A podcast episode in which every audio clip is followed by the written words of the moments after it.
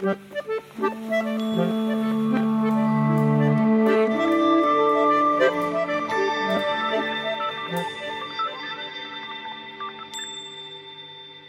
jeg ønske velkommen til en ny episode i podkasten Ytringsklima. Her snakker vi om hvordan folk snakker sammen på jobb. Og gjest i dag er Elisabeth Andvik, som er førsteamanuensis på BI, så vi er kollegaer. Eh, og du har gjort et veldig spennende doktoratsarbeid som vi skal snakke litt om. Velkommen i studio, Elisabeth. Tusen takk. Det er veldig kjekt å få være her i dag. Eh, den avhandlingen din heter Mind the Gap – Building Bridges in Interprofessional Teams. Kan du fortelle hva som er utgangspunktet for det arbeidet der? Ja. Det er en tittel som jeg egentlig føler er veldig beskrivende eh, for åssen det er når man skal jobbe på tvers av ulike profesjoner. Så er det ofte sånn at vi har en eh, vi kommer med en ryggsekk med ulik erfaring, mye bagasje, eget sett av lege, eh, leveregler og kanskje et eget kunnskapsfokus, som kan gjøre det vanskelig å jobbe sammen. Så det er en slags distanse som ligger der. Mens avhandlingen min handler litt om hva kan gjøres for å bygge en bro, for å redusere denne distansen mellom profesjoner, sånn at jeg kan få til et effektivt samarbeid. Dette er noe som eh, mange kan kjenne seg igjen i, tenker jeg. At vi har eh, sterk profesjonsidentitet, sterk tilhørighet til en bestemt eh, faglighet, og at det ofte kan stå i veien for å kommunisere godt og snakke godt sammen. Så hvordan gikk du fram for å undersøke dette her og bli klokere på, om dette? Nei, dette kunne man sikkert undersøkt på veldig mange ulike måter. Eh, det som jeg synes var spennende, var å få en fot i virkeligheten og prøve å fange refleksjonene og synspunktene ut ifra en reell hverdag fra de som skal oppleve det å jobbe tverrfaglig.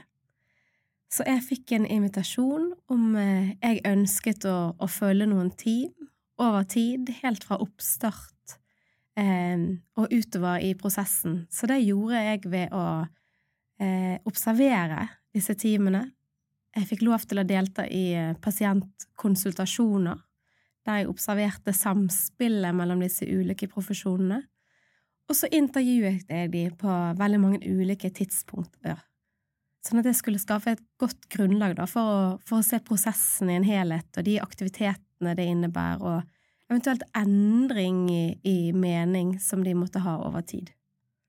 Akkurat. Hva slags uh, prosesser var det konkret dette handlet om? Altså, det var for min, uh, mitt vedkommende veldig spennende inngang. Så vi, vi så på barn som hadde fysiske og psykiske utfordringer, som gjerne hadde gått i flere år uten å få en diagnose.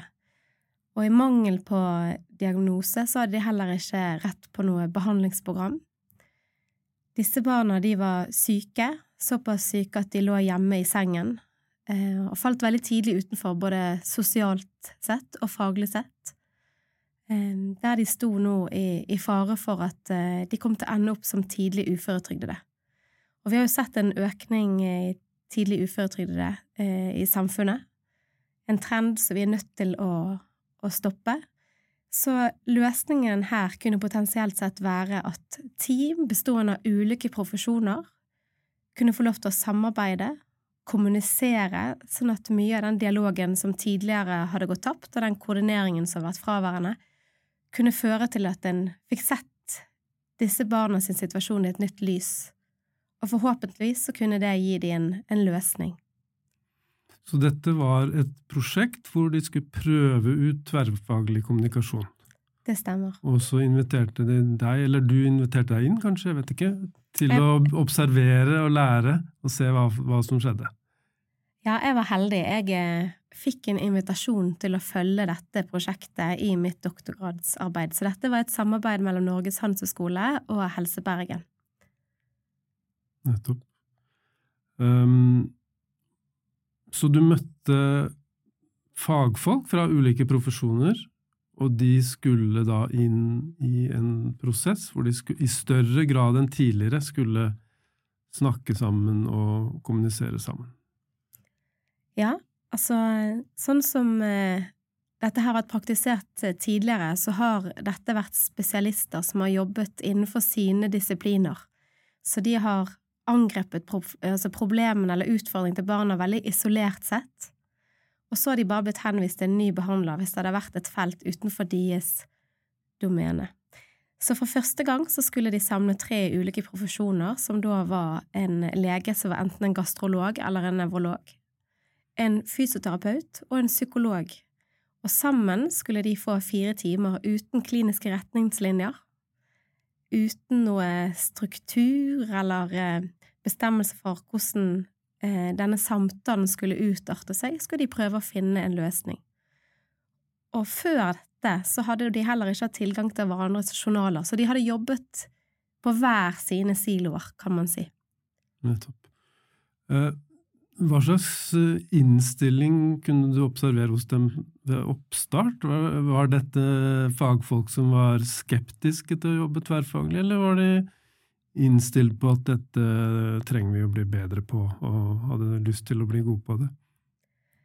Altså, I utgangspunktet så kan vi si at utvalget var ganske skjevt. Det vil si at eh, disse hadde meldt seg frivillig. De ønsket å være en del av et tverrfaglig team. Hadde aldri, de hadde ikke tidligere erfaringer med det, men de hadde sittet med disse pasientene som var såpass tunge og vanskelige at alle hadde sett at de hadde ennå ikke funnet en løsning på hvordan de kunne håndtere disse problemene. Så dette var, dette var noe de var engasjert overfor, og var sikker på at dette kom til å, å gi en god inngang til å kunne løse problemene.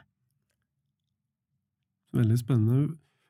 Hva slags eh, forarbeid ble gjort når man skal inn i et sånt prosjekt? Det, det er jo ikke noe som faller på plass av seg selv.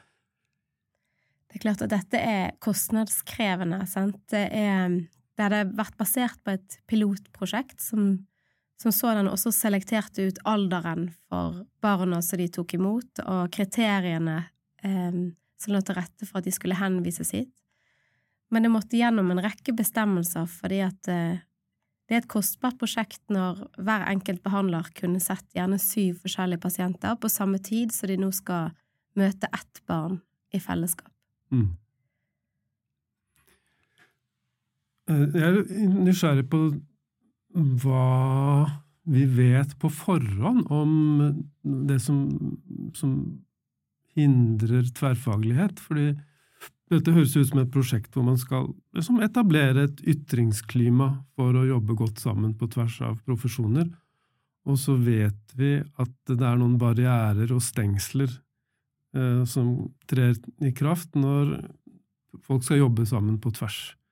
Hva, hva, vet vi på forhånd om det som eh, stenger for, for, god samtale på tvers av profesjoner?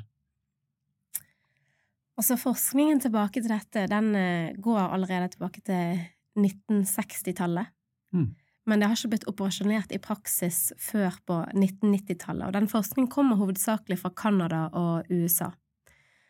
Og det de har sett på, det er at samarbeid, altså tverrprofesjonelt eller tverrfaglig samarbeid, som også det heter, det handler om å, at mennesker med ulike komplementær kompetanse skal jobbe i den grad de er høyt gjensidig avhengige av hverandre. Og så skal de både planlegge og de skal utføre oppgaver i fellesskap, gjerne uten klar lederrolle. Så de skal både lære fra hverandre, om hverandre og sammen med hverandre. Men dette viser seg å være vanskelig i praksis. Og forskning sier jo at de opptil opp 75% av tverrfaglige team de feiler i et sånt samarbeid. Og det skylder i utgangspunktet store eh, utfordringer med det å kommunisere. Vi har ulik kunnskap, ulike kunnskapsområder, og vi har også eierskap til vårt eget kunnskapsfelt. Vi er vant til å jobbe også eh, ganske selvstendig. Mens det å jobbe tverrfaglig, det truer på en måte denne profesjonelle autonomien.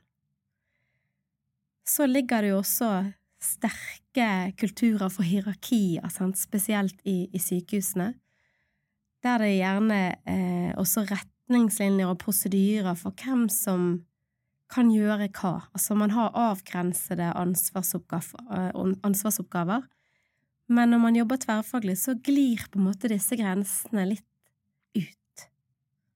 Rollene blir litt mer tvetydige, og det kan være vanskelig, sant? fordi det kan berøre forhold som du nevnte tidligere, sånn som profesjonsidentitet, som ofte er veldig tett knyttet i, til de arbeidsoppgavene som vi er vant til å utføre. Og det skaper sånne gnisninger som gjør at vi kanskje føler at vi må beskytte oss selv, og det kan redusere ytringsklima. Så vi ser det at i veldig mange tilfeller så er det snakk om at enkelte profesjoner, spesielt gjerne profesjoner lenger nede på rangstigen, som sykepleiere, fysioterapeuter og andre, de tør gjerne ikke å ytre sin mening. Eller de føler det ikke er rom for å kunne ytre sin mening, og det fører jo også til at eh, det i enkelte tilfeller dessverre går utover pasientsikkerheten, vi har fått eh, alvorlige sant, feiltrinn som er begått fordi at det har vært mangel på ytringsklima i teamene.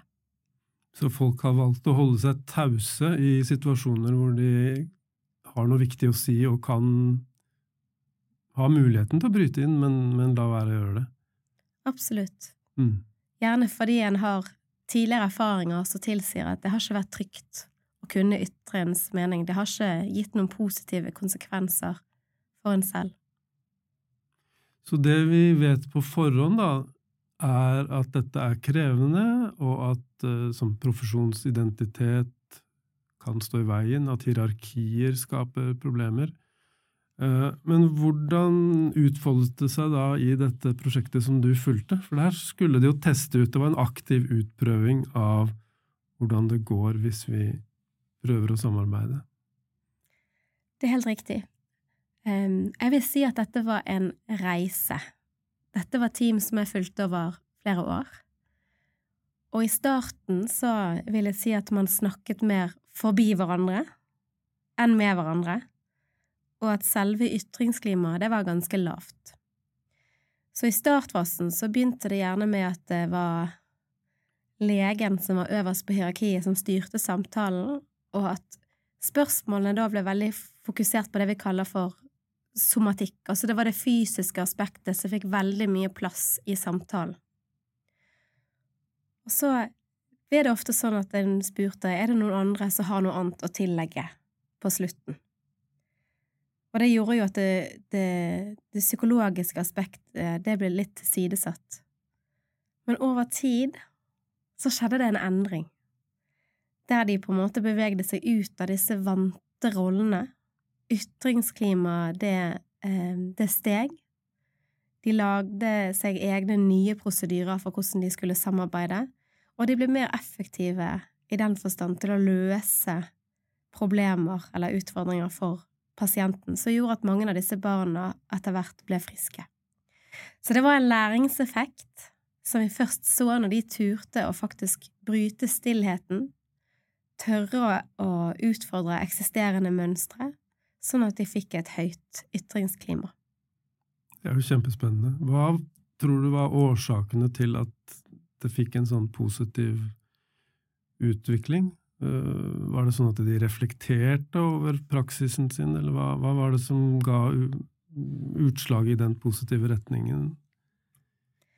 Som forsker så er det jo alltid det man forsøker å, å finne hva er den ene viktige effekten som førte til en endring? Ehm, I dette tilfellet så tror jeg det var, det var flere, og det var litt forskjeller mellom teamene, sant? i og med at jeg fylte åtte team. Men noe av det teamene som presterte godt, gjorde, det var det at de hadde det som vi kalte for samkonsultasjoner, der de satt alle i samme rom hele tiden, og så ble de enige om at noen andre skulle lede lede teamet i, i den samtalen. De gjorde også noe som kalles for transposisjonering. Det vil si at eh, de tok på seg rollen til en av de andre, og så eh, forsøkte de å stille spørsmål på en annerledes måte. Så etter hvert så adopterte legen for eksempel psykologens måte å stille spørsmål på, og så viste seg det at det pasienten svarte på en helt annen måte. Og da kom nye eh, diagnoser i spill for legen som gjerne ikke hadde tenkt over tidligere. De observerte også hverandre, fulgte hverandre, eh, og dermed så lærte de ny metodikk. Og så satte de også av tid til systematisk refleksjon om selve teamarbeidet. Og noen ganger så skjedde dette spontant, i andre team så formaliserte de det mer inn i rutiner. Men eh, disse mulighetene de åpnet seg av spesifikke situasjoner. Det kan være tilfeller der eh, for eksempel legene følte seg utilstrekkelig, eh, og der noen av teamet backet opp legen i en sånn situasjon. Eh, det har vært enkelte situasjoner som de har følt har vært for vanskelig å løse, der de har, de har etterspurt informasjon fra teamet, og så har de blitt overrasket over hva deres teammedlemmer faktisk har evnet å bringe som en løsning på bordet. Så mot og fleksibilitet og faktisk sårbarhet overfor hverandre tror jeg har vært veldig kritiske sånne fremdrivere for å få til det ytringsklimaet. Veldig spennende. Eh, hadde de noen slags eh, prosesshjelp underveis for å komme på sporet av disse tingene som du beskriver, eller, eller, var det ting de fant ut mer eller mindre av seg selv underveis? Disse teamene hadde faktisk en ekstern coach ja. som var leid inn i prosessen i det første året. Ja.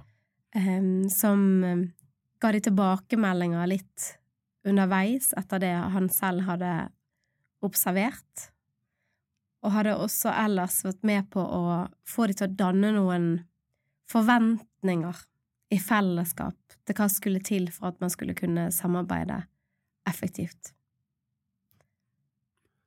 Ja, nettopp. Men jeg blir jo nysgjerrig på din rolle som forsker, da, for jeg tenker du Det du har gjort, er vel det vi kaller en etnografisk studie. Du er til stede og observerer. Uh, men var det sånn at du holdt deg til en slags tilskuerrolle, eller, eller, var du aktiv inn for å snakke med dem og kommentere på ting og sånne ting? Ja. Det der er jo kanskje det mest spennende, og også kanskje det vanskeligste man håndterer når man skal jobbe med feltarbeid, altså gjøre etnografisk arbeid. Det er at man må faktisk være refleksiv overfor hvilke rolle er det man tar når man går inn i, i feltet?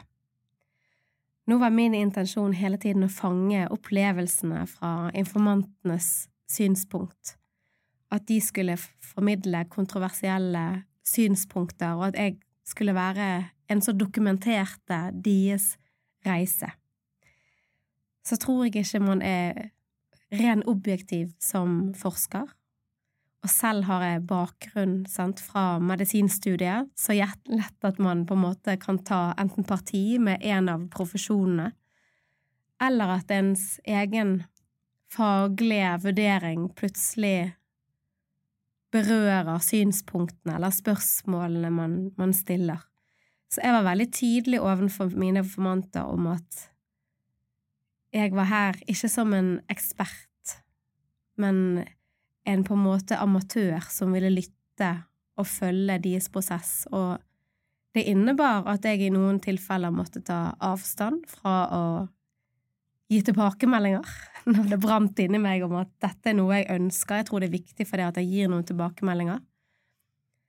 Um, og at jeg ga rom for at det, det var deres refleksjoner som skulle skinne gjennom. Når det er sagt, så tror jeg ikke at noen som gjør etnografisk arbeid, ikke påvirker prosessen. Man føler seg inhabil til tider. Eh, man lever seg inn i prosessen. Man ønsker så gjerne, i og med at konsekvensene er så store for disse barna, at de skal få en hjelp, og at dette skal fungere. Så i visse tilfeller så tror jeg at man, man handler kanskje uten om man tenker at uh, man gjør det og dermed påvirker prosessen i en eller annen retning. Jeg kan jo tenke meg at du som forsker kanskje også opplever at du legger merke til ting, viktige ting, ser viktige ting som de du observerer, ikke selv er klar over. Og da må det jo være veldig fristende å hive seg frampå og peke på det du har sett. Absolutt. Altså, det er noe av det kanskje det morsomste, men også så jeg hadde store vanskeligheter med i feltet, det var i de tilfellene der jeg hadde jeg hadde fulgt teamene, så hadde de splittet opp og hatt hver sine individuelle samtaler med, med pasienten og, og, pårørende. Der eh, det var informasjon som fremkom som jeg mente var kritisk, kanskje for en, en lege å ha, da. Um, men når de teamet sam ble samlet seg i etterkant, så unnlot kanskje psykologen eller fysioterapeuten å dele den informasjonen. Så du hørte noe på bakrommet som du tenkte dette trenger legen å få høre? Mm, absolutt. Og så fikk ikke legen høre det? For det vil gjerne sette diagnostikken i et nytt lys. Nettopp. Um, det synes jeg var vanskelig. Veldig vanskelig. Så min måte å håndtere situasjonen så det var å spørre individuelt den jeg hadde fulgt, om hva var grunnen til at du ikke delte dette? Hva tror du kan være konsekvensen av å ikke dele denne informasjonen? Nettopp. Så på en indirekte måte da forsøke å få forståelse gjerne for hvorfor informasjon ble tilbakeholdt, men kanskje også synliggjøre at uh, dette kan være viktig å få frem. Nettopp. Mm. Um, det er jo spennende å høre nå hvordan har det gått? Altså, hva, hva er uh, erfaringene? Du har hatt mulighet til å følge disse timene i tre år, og du har sett og sagt noe om at du har sett positiv utvikling i tverrfagligheten. Uh, hva har dette medført for de mest sårbare, altså for barna? Altså, det er jo på en måte en slags solskinnshistorie. Fordi at de aller fleste pasientene, de som har vært gjennom dette teamet, særlig de som på en måte har kommet litt ut i prosessen, har faktisk fått en løsning. Har fått en avklaring etter å ha gått i årevis der de har følt at det er ingen som koordinerer disse teamavtalene, det er kommunikasjon som blir mangelfull, så de føler at de har vært en kasteball i systemet, og de har fått en lappeteppeløsning. Plutselig så kommer de å bli møtt, de blir sett, opplever at eh, der er det et team som på en måte virkelig er, prøver å snu alle steiner for å finne en innovativ løsning. Um, og det har ført til at mange av disse barna har faktisk kommet tilbake til skolebenken og blitt friske. Det er noe som sparer samfunnet for kostnader frem i tid ved å redusere antall nye uføretrygdede blant, blant unge. Men det har en enorm verdi for det enkelte mennesket og deres familie. I tillegg er det jo sånn at disse teamene de har jo ervervet en, en særskilt kompetanse. Og i samtaler med disse teammedlemmene i etterkant så ser vi det at denne kompetansen blir ikke brukt bare i teamsammenheng. Dette er teammedlem som føler at de har ervervet en kompetanse som gjør at når de sitter i sin individuelle klinikk, så har de et nytt på en måte spenn. De kaller det å spille på flere strenger, som gjør at de blir bedre i sin individuelle rolle.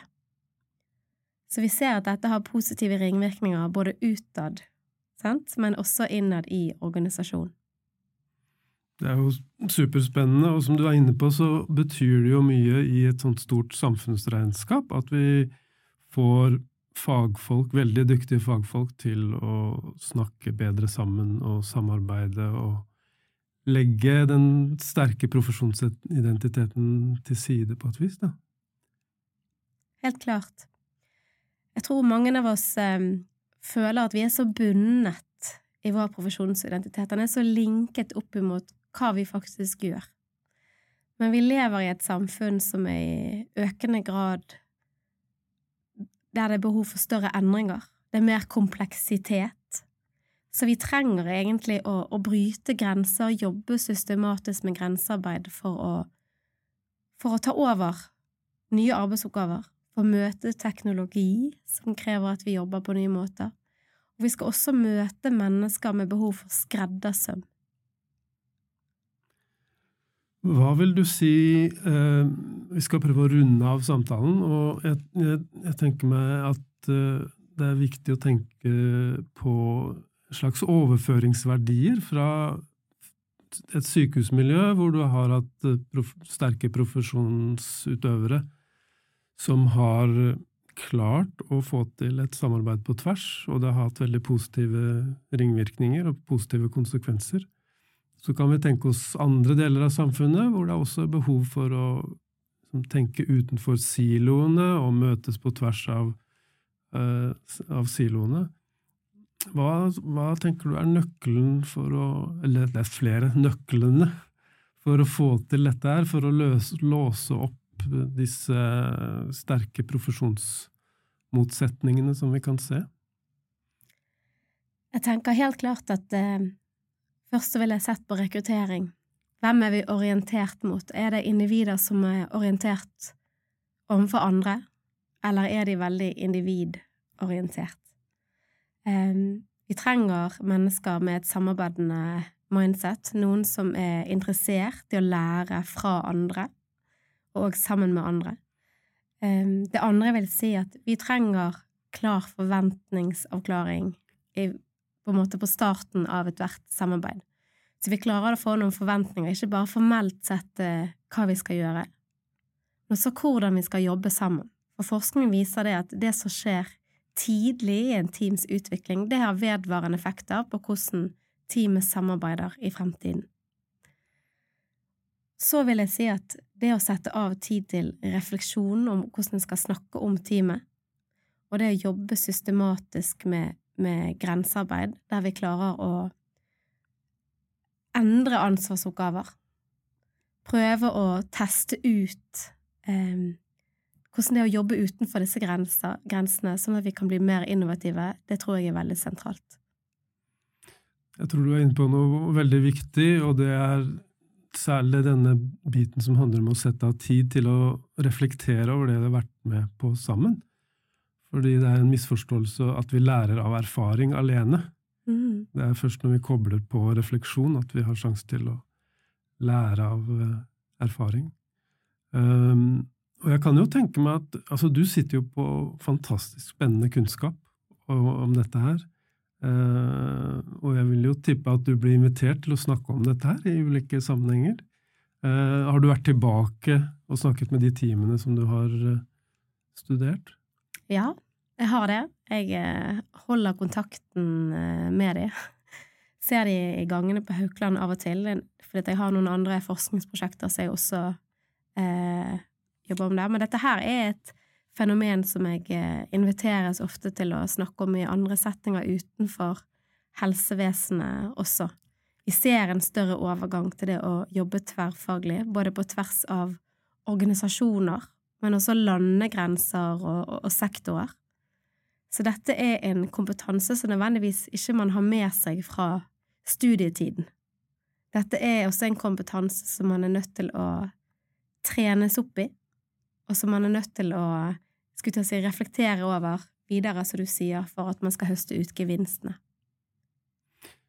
En siste ting jeg kunne tenke meg å, å, å henge opp, det er det du var inne på med å være orientert mot andre mennesker, og i mindre grad være selvorientert. Og både du og jeg jobber ved Handelshøyskolen BI, eh, og jeg tror vi har et stykke å gå når det gjelder hva slags menneskesyn vi formidler til studentene, fordi handelshøyskoler over hele verden har gjennom lang tid formidlet et eh, menneskesyn som kan gjøre våre studenter mer selvorienterte og mindre samarbeidsorienterte.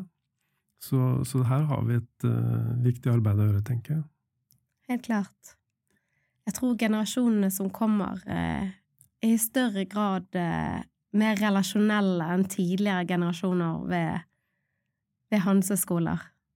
Forhåpentligvis så vil de være flinkere til å fremme både menneskesyn og flinkere til å ta del i at vi har selv et ansvar, et eget ansvar for å ivareta våre kollegaer både når vi jobber i team, men også som vanlige kolleger i en vanlig arbeidsdag.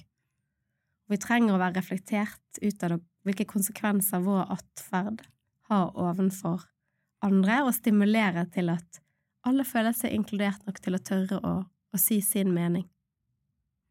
Så her har vi et felles prosjekt, eh, Elisabeth, med å fremme andreorientering og samarbeid med både Handelshøyskolen VI og utover.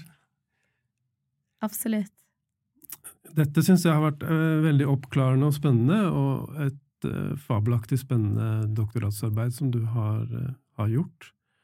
jeg forstår veldig godt at du møter interesse både i helsevesenet og ellers i hva, det, hva, som skal til for å få til godt tverrfaglig arbeid. jeg vil si tusen takk til deg, Elisabeth Anvik, som har vært med i denne samtalen. Og så eh, ønsker jeg lykke til med å jobbe videre på det samme sporet.